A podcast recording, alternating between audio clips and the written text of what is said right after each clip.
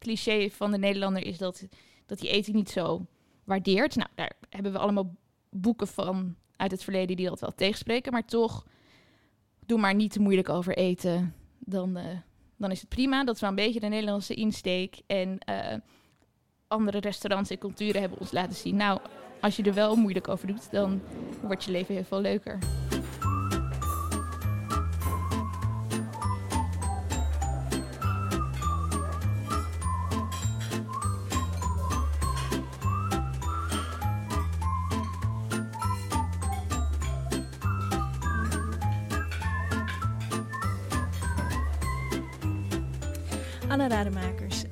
Collectiespecialist cultuurgeschiedenis KB Nationale Bibliotheek, gespecialiseerd in kunstgeschiedenis en populaire cultuur, waaronder kookboeken. En dat treft voor vandaag. En Charlotte Klein, conservator van de gastronomische collecties bij Allard Pearson, de collecties van de Universiteit van Amsterdam, culinair historica, journalist en auteur van Trek, Eten onderweg, toen en nu. En ook co-auteur met je vader van Lui Lekkerland, 400 jaar koken in Nederland. Welkom. We gaan het vandaag hebben over kookboeken, over de geschiedenis van de Nederlandse eetcultuur. Um, als aftrap van onze podcastreeks over de diversiteit van de Nederlandse eetcultuur. En um, nou, jullie zijn de twee uh, um, droomgasten voor mij om het over Nederlands eten te hebben en, en wat daarover te vinden is, want daar weten jullie alles van. ik heb jullie gevraagd om een kookboek mee te nemen. Een historisch kookboek. En Charlotte, mm -hmm. in die enorme zee aan kookboeken, wat heb je meegenomen? Ja, ik heb even nagedacht, want er is inderdaad ontzettend veel. Maar ik heb een iets minder bekend kookboek uit 1724 meegenomen. Mm -hmm. Het Hollands of Nederlands kookboek, vond ik ook wel toepasselijk.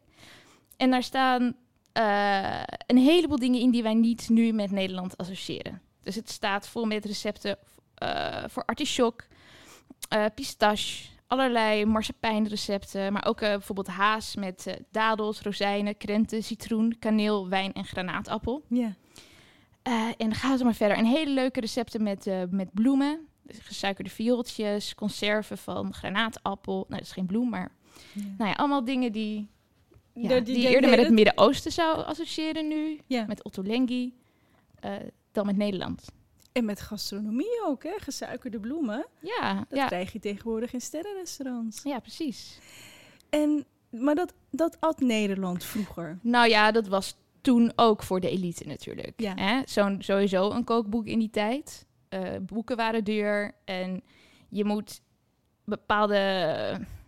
Je, je moet meer ingrediënten kunnen kopen dan je kent hè, om iets nieuws te willen maken. Als je maar alleen je basisproducten kan kopen, dan dan weet je wel hoe je die klaar moet maken. Zo'n boek was echt ter inspiratie hm. voor koks, nieuwe gerechten. En dit was dus echt voor de elite. Ja.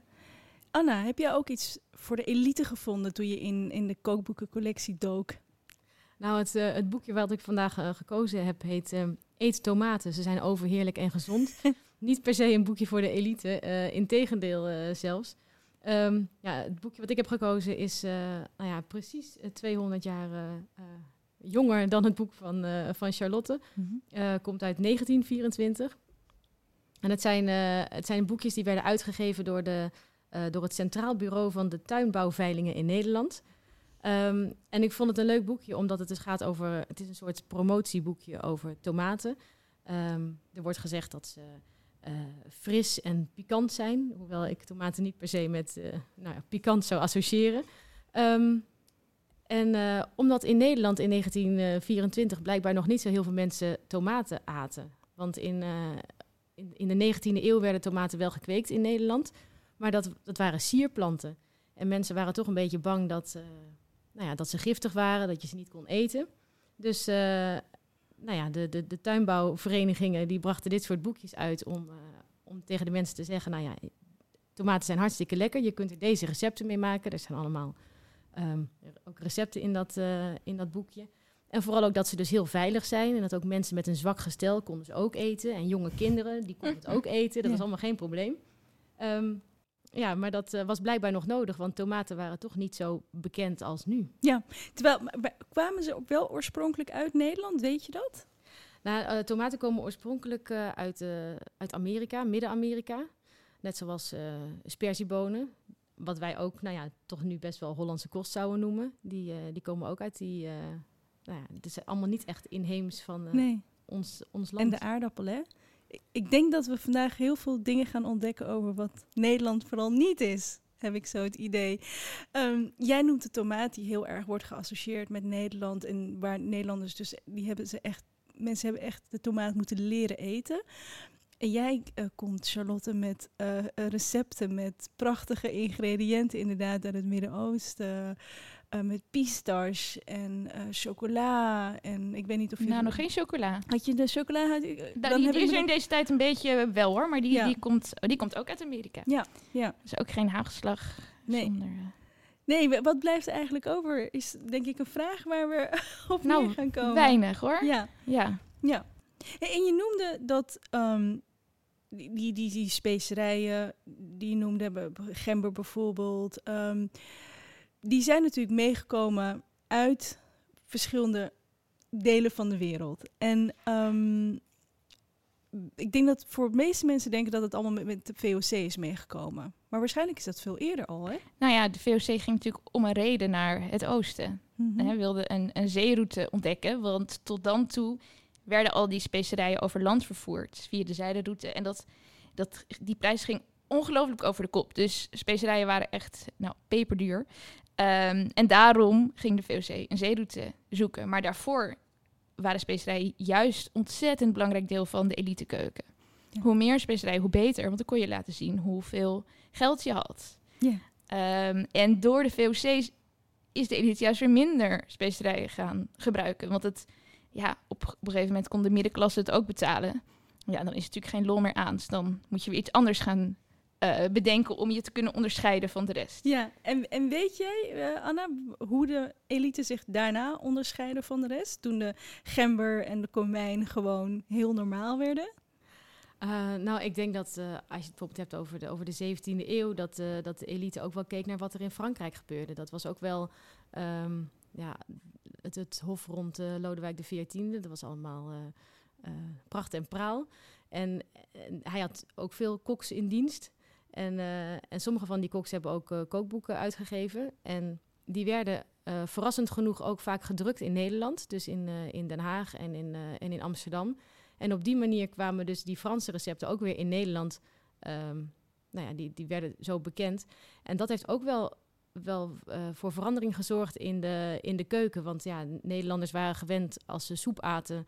Dat heette potagie. En dat was, nou ja, daar kon je lepel rechtop in blijven staan. En, nou, en door die Franse keuken werd het allemaal iets verfijnder. En eh, kwam er bouillon. En ehm, ja, dan, Ja. Dat, eh, en er stonden ook vaak in die kookboeken mooie, eh, mooie platen over hoe je dan precies je tafel moest, moest dekken. De service à la française. Française? Ja. Mhm. Dus dat, ehm, ja, dat heeft ook echt wel eh, invloed gehad. De- Heeft de, is de Franse keuken de meest invloedrijke geweest op de Nederlandse, denken jullie? Wauw, dat is wel een hele grote uitspraak meteen. Ik denk dat dat heel moeilijk te zeggen is. Ehm, in een bepaalde periode wel, maar dan op de elite. En dat is natuurlijk een heel klein groepje. Eh, de Arabische ingrediënten hebben heel veel invloed gehad. Maar uiteindelijk natuurlijk ook die ingrediënten uit Amerika.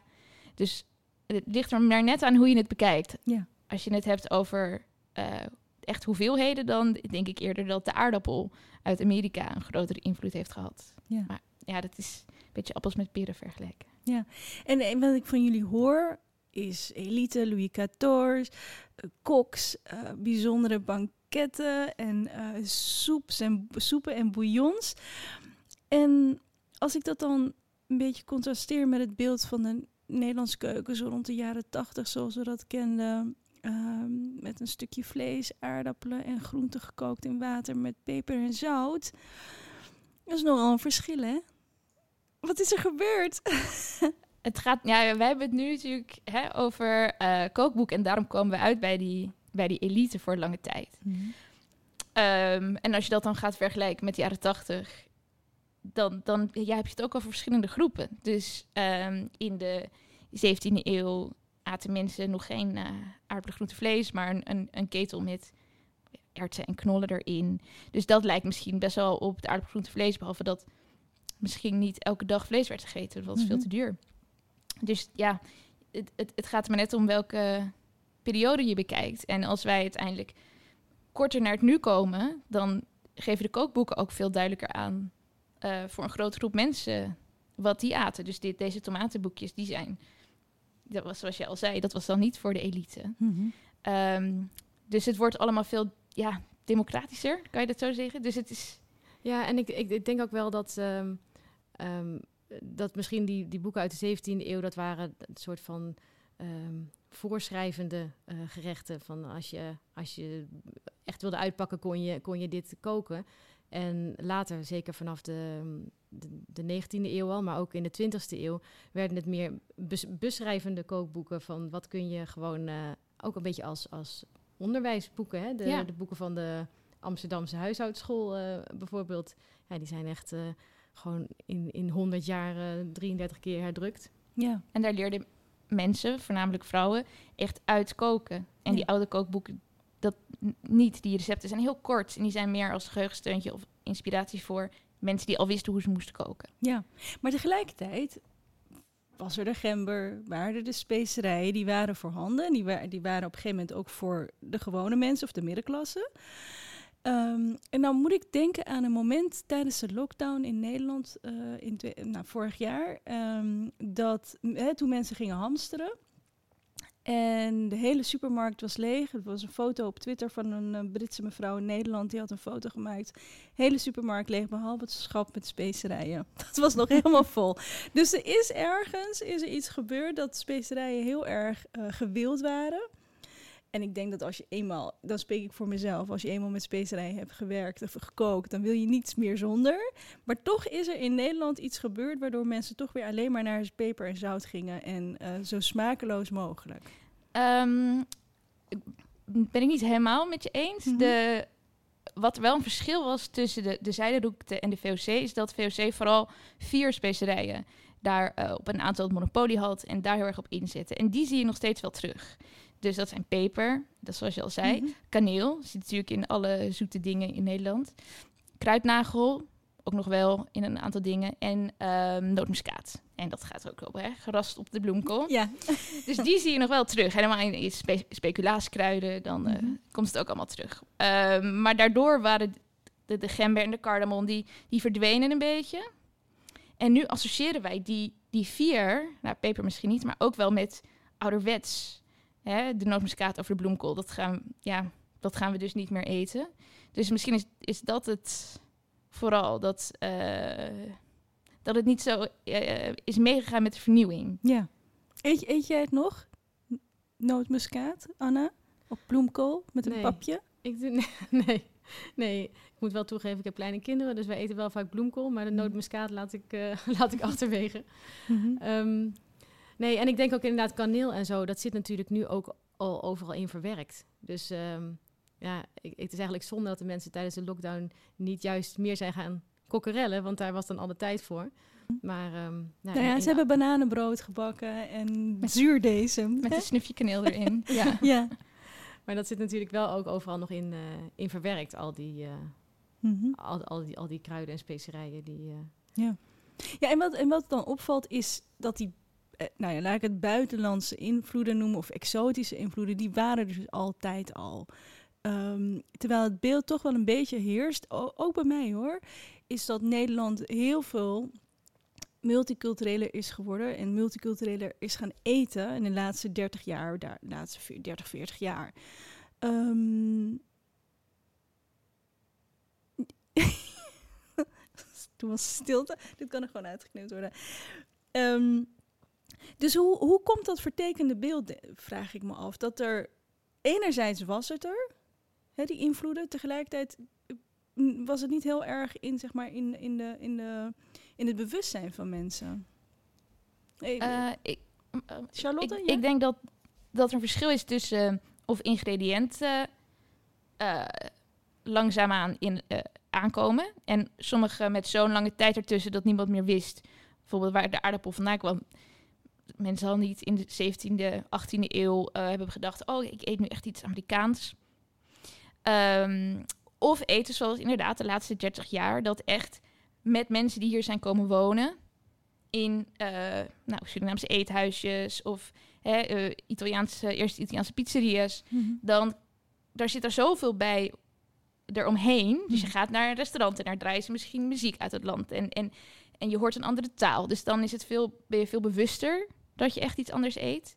En er is ook een verschil of je een heel gerecht uit een ander land proeft... of dat je dus één ingrediënt op je eigen manier koken uh, gaat klaarmaken. Dus... Ja, want ik geloof ook wel dat inderdaad uh, de, de eerste macaroni-schotels... die uh, in Nederland in de, in de, krant, in de krant stonden... Hè, ook veel, veel recepten in de krant of in, in allerlei kookboeken...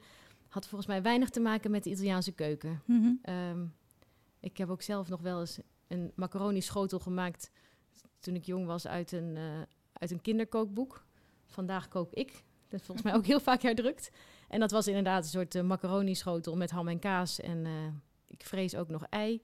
En ik denk niet dat veel Italianen daar echt warm voor zouden lopen. nee, en, maar dat is, dat is allemaal wel weer heel erg ontwikkeld en gegroeid. Ik kan me ook wel herinneren dat er zeg maar, reclames kwamen voor, op televisie voor inderdaad uh, macaroni. Dat was en, en, en rijst. En, en het eetpatroon is heel erg veranderd um, in best wel korte tijd. En, en ben ik benieuwd naar jullie eigen ervaringen, want jullie houden van eten. En jullie, met jullie, het is ook jullie werk. Ja, we knikken. Ja, ja jullie knikken, Charlotte en, en Anne knikken we allebei. Um, kunnen jullie je moment herinneren dat je iets at wat echt afweek van wat je gewend was? Charlotte die kijkt naar Anne. ja, dat is best wel, best wel een, lastige, een lastige vraag. Ja, ik, ik denk dat we toch ja, stiekem best wel veel... Uh, nou ja, ook, ook als je op reis gaat en zo... met, met best wel veel uh, kruiden en, en specerijen... en ander soort groenten en fruit en zo in aanraking komt... dan, nou ja, dan, dan mijn, mijn opa en oma. Mm -hmm. uh, dus in die zin ja, ja. Is, is onze wereldbeeld natuurlijk al heel anders... Uh, ja, als je het mij nu zou vragen, dan, dan denk ik vooral aan die ene keer uh, dat ik in, in Frankrijk was in zo'n leuk authentiek restaurant. En dat iemand in mijn gezelschap had bedacht om tête de veau ehm, te bestellen. Um, en inderdaad gewoon ook zo'n hele kalfskop ja. op een bord kreeg. En dat ik toen dacht, ja, dit, dit aten ze misschien vroeger ook wel. Maar dit is voor mij echt wel een beetje nu... ja, dat, dat was eigenlijk misschien helemaal niet dat is helemaal niet per se exotisch, maar dat was toch voor mij net even een, een, ja. stapje te ver. Ja. He, heb, je, heb je geproefd? Nee, nee. Ik heb het overgeslagen. Ik heb wel ooit rundertong gegeten, maar daar had ik dezelfde associaties mee. Dat ja. ik dacht, nou, ik ben toch wel blij dat, dat dat niet meer op het dagelijkse menu staat bij ons. Ja, terwijl je noemt het reizen, maar Nederlanders stonden toch ook wel heel lang bekend om uh, volgestouwde auto's met pindakaas en kaas en eigen uh, eigen producten meenemen. En ook nog steeds legio mensen die naar bijvoorbeeld Spanje gaan, maar daar wel hun kroketje willen. Hmm. Dus die minder avontuurlijk zijn. Ja, ik denk dat ja, dat bestaat, maar Nederlanders zijn volgens mij ook wel avontuurlijk. Dat ze wel dingen. Want je hebt volgens mij wel veel uh, landen, veel mensen die dat doen. Ik heb wel, bij mij om de hoek zit een Italiaans restaurant en daar zitten altijd Italiaanse toeristen, bijvoorbeeld. Die willen gewoon pizza en pasta eten als ze in Nederland komen. Ja. ja. Uh, ik zat ook te denken aan mijn uh, een exotische ervaring, maar ik vond het wel lastig. Ik ben best wel opgegroeid al met heel veel verschillende soorten eten. Ja, met en die ik, vader die ook ja, natuurlijk. Ja, dat precies. begrijp ik Onno Klein. En, um, maar ik ontdek nog steeds wel heel vaak nieuwe dingen als ik naar een uh, Aziatische supermarkt ga. Dan mm -hmm. probeer ik weer nieuwe dingen uit. Maar het is nooit zo'n enorme levensveranderende levensveranderende ervaring voor mij geweest. Ja. Um, maar dat vind ik juist ook het leuke van, van eten. Dat het, het houdt ook nooit op. Je zal altijd wel weer nieuwe dingen kunnen ontdekken. Ja. Dat is een eindeloze ervaring. Ja, want ik benadruk nu natuurlijk alle clichés. Hè, maar de realiteit is dat we in Nederland ongelooflijk multicultureel zijn. En dat we in de supermarkten producten vinden die je tien jaar geleden niet vond. Dat, dat de smaak ook echt heel erg veranderd is. Um, bij mensen thuis, maar ook in al die enorme restaurants, al die ja. kookboeken die verschijnen van biculturele Nederlanders in Nederland. Dus het is, eh, er is altijd een andere kant. Zeker. Ja. En, en jullie, jullie dagen daarbij aan bij. Charlotte natuurlijk ook, ook met je eigen eh, werk. Trek eh, ehm, eten onderweg toen en nu natuurlijk. Dat heb je ook allemaal onderzocht. Mhm. Wat mensen aten. Ja, als ze op zee waren of in de trein of eh, ja, kamperen. Kamperen. En oh, nou, vertel, wat, wat aten ze toen ze als ze kampeerden? Nou, je had inderdaad die mensen die gewoon alles meenamen. Blikken, aardappelen.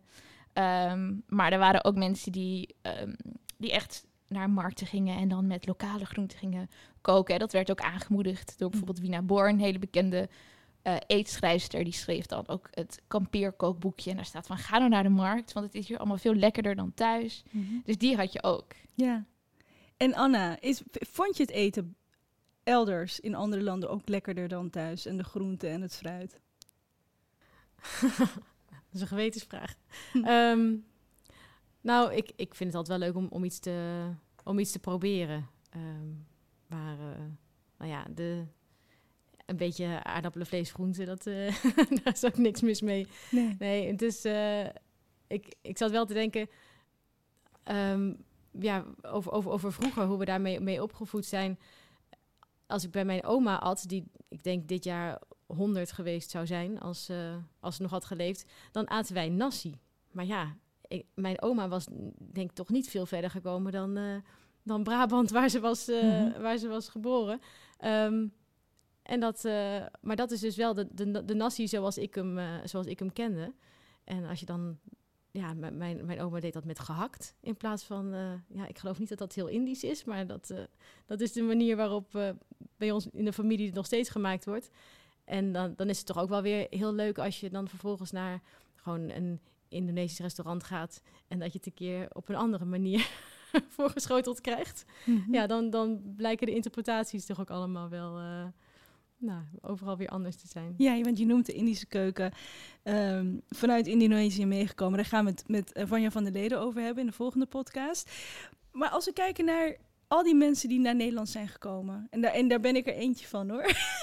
wat, wat hebben zij allemaal meegebracht ehm, op culinair gebied? Als we het alleen even op het qua eten hebben. Ehm, wat hebben die gemeenschappen aan Nederland toegevoegd? Charlotte? Ja, zoveel. Eh het is ook heel moeilijk om te bedenken hoe dat dan niet zou zijn geweest. Mhm. Want het is natuurlijk vooral in de 20e eeuw geweest, maar ook daarvoor zijn er de, de, de, de Joden uit Spanje en Portugal. Daar kwamen ook weer, daar hebben we de bolus waarschijnlijk aan te danken.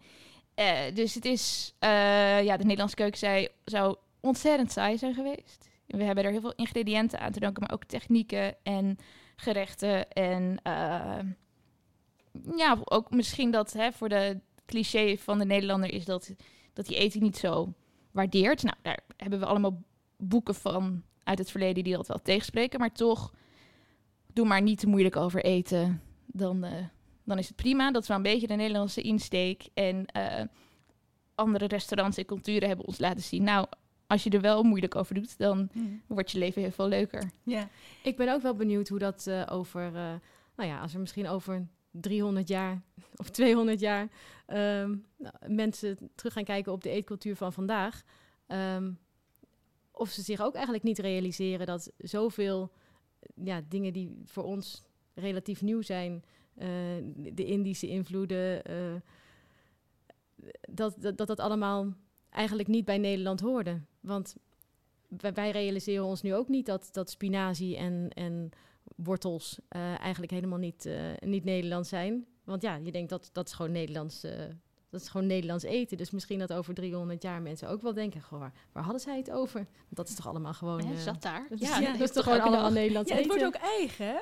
Iets wat vreemd is, wordt gewoon eigen. En dat krijgt weer een ander karakter natuurlijk. Dat is met eten of met ingrediënten ook zo. Ja.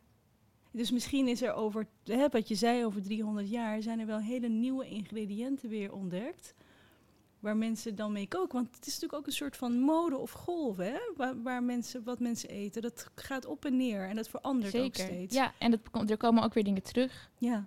En, en het, het, je, het kan ook niet stilstaan in de tijd. Dus je kan zeggen, dit is nu authentiek en traditioneel en dus mag je het niet meer anders maken. Maar ja, dat kan helemaal niet. Het is toch net als een taal dat een, een keuken altijd verandert. En dat is juist iets heel moois. Ja. Hey, je noemde net de bolus, dat hij met de Portugese Joden meekwam, hè? Waarschijnlijk. Want bolo betekent eh, gewoon cake Ja. daar. En is de Zeeuwse bolus, is die daar een afgeleide van? Ja, waarschijnlijk. En dan de, ook de, eh, de eh, gemberbolus, die Ja. vooral in Amsterdam wordt gegeten.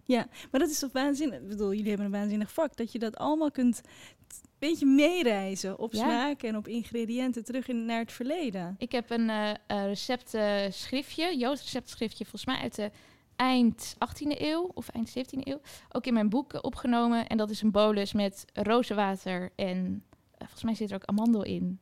Oh, maar dat klinkt heerlijk. Ja, Heb je hem gemaakt? ja, zeker. Is heel lekker. Oh, wat goed.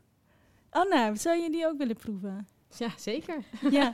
ja, want hè, rozenwater inderdaad heel erg Midden-Oosters. Amandelen, ik bedoel, we, we hadden het over, mars, ehm, over, over speculaas, maar bijvoorbeeld het, het gevuld speculaas...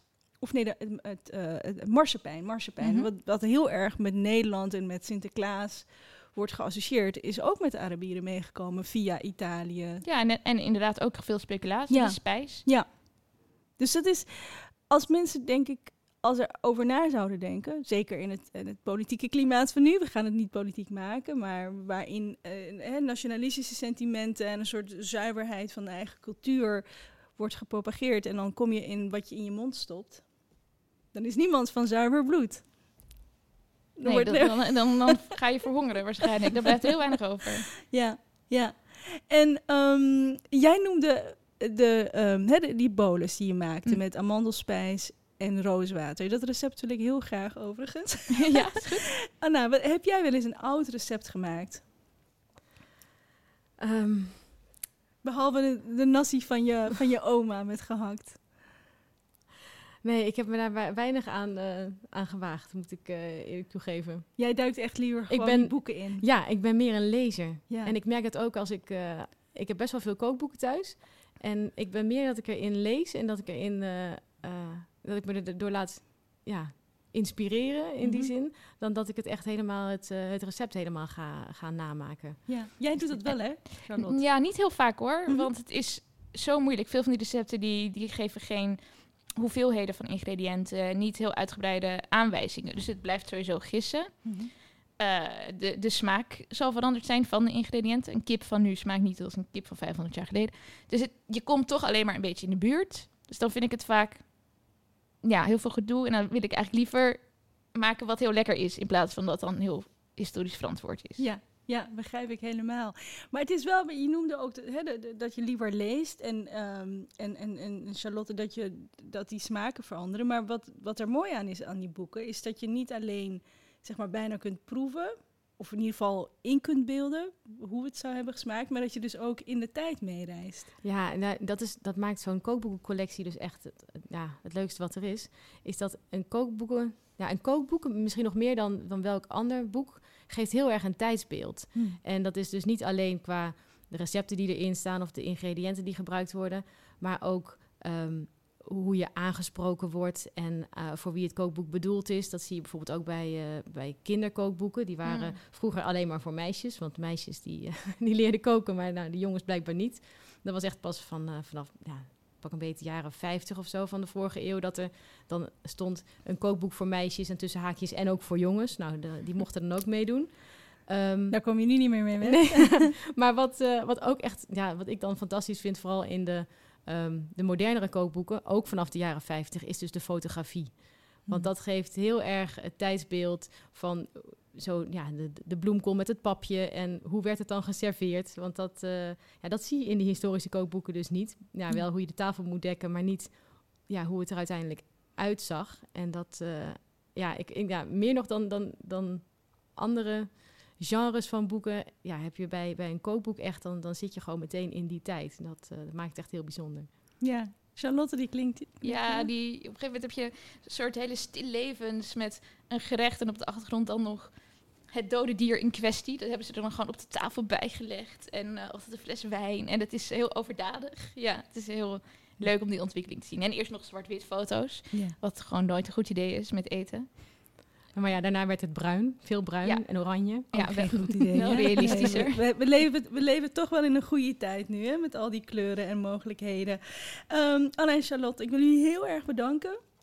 Eh, voor deze reis eh, naar het verleden. Ehm, en ik weet dat jullie Delver gebruiken om, ehm, om heel veel op te zoeken ook. En Ja. oude boeken te ontdekken. Ja, Delver is, eh, is, is een website, Delver met ph, delver.nl, Ja. waar heel veel gedigitaliseerd materiaal op staat.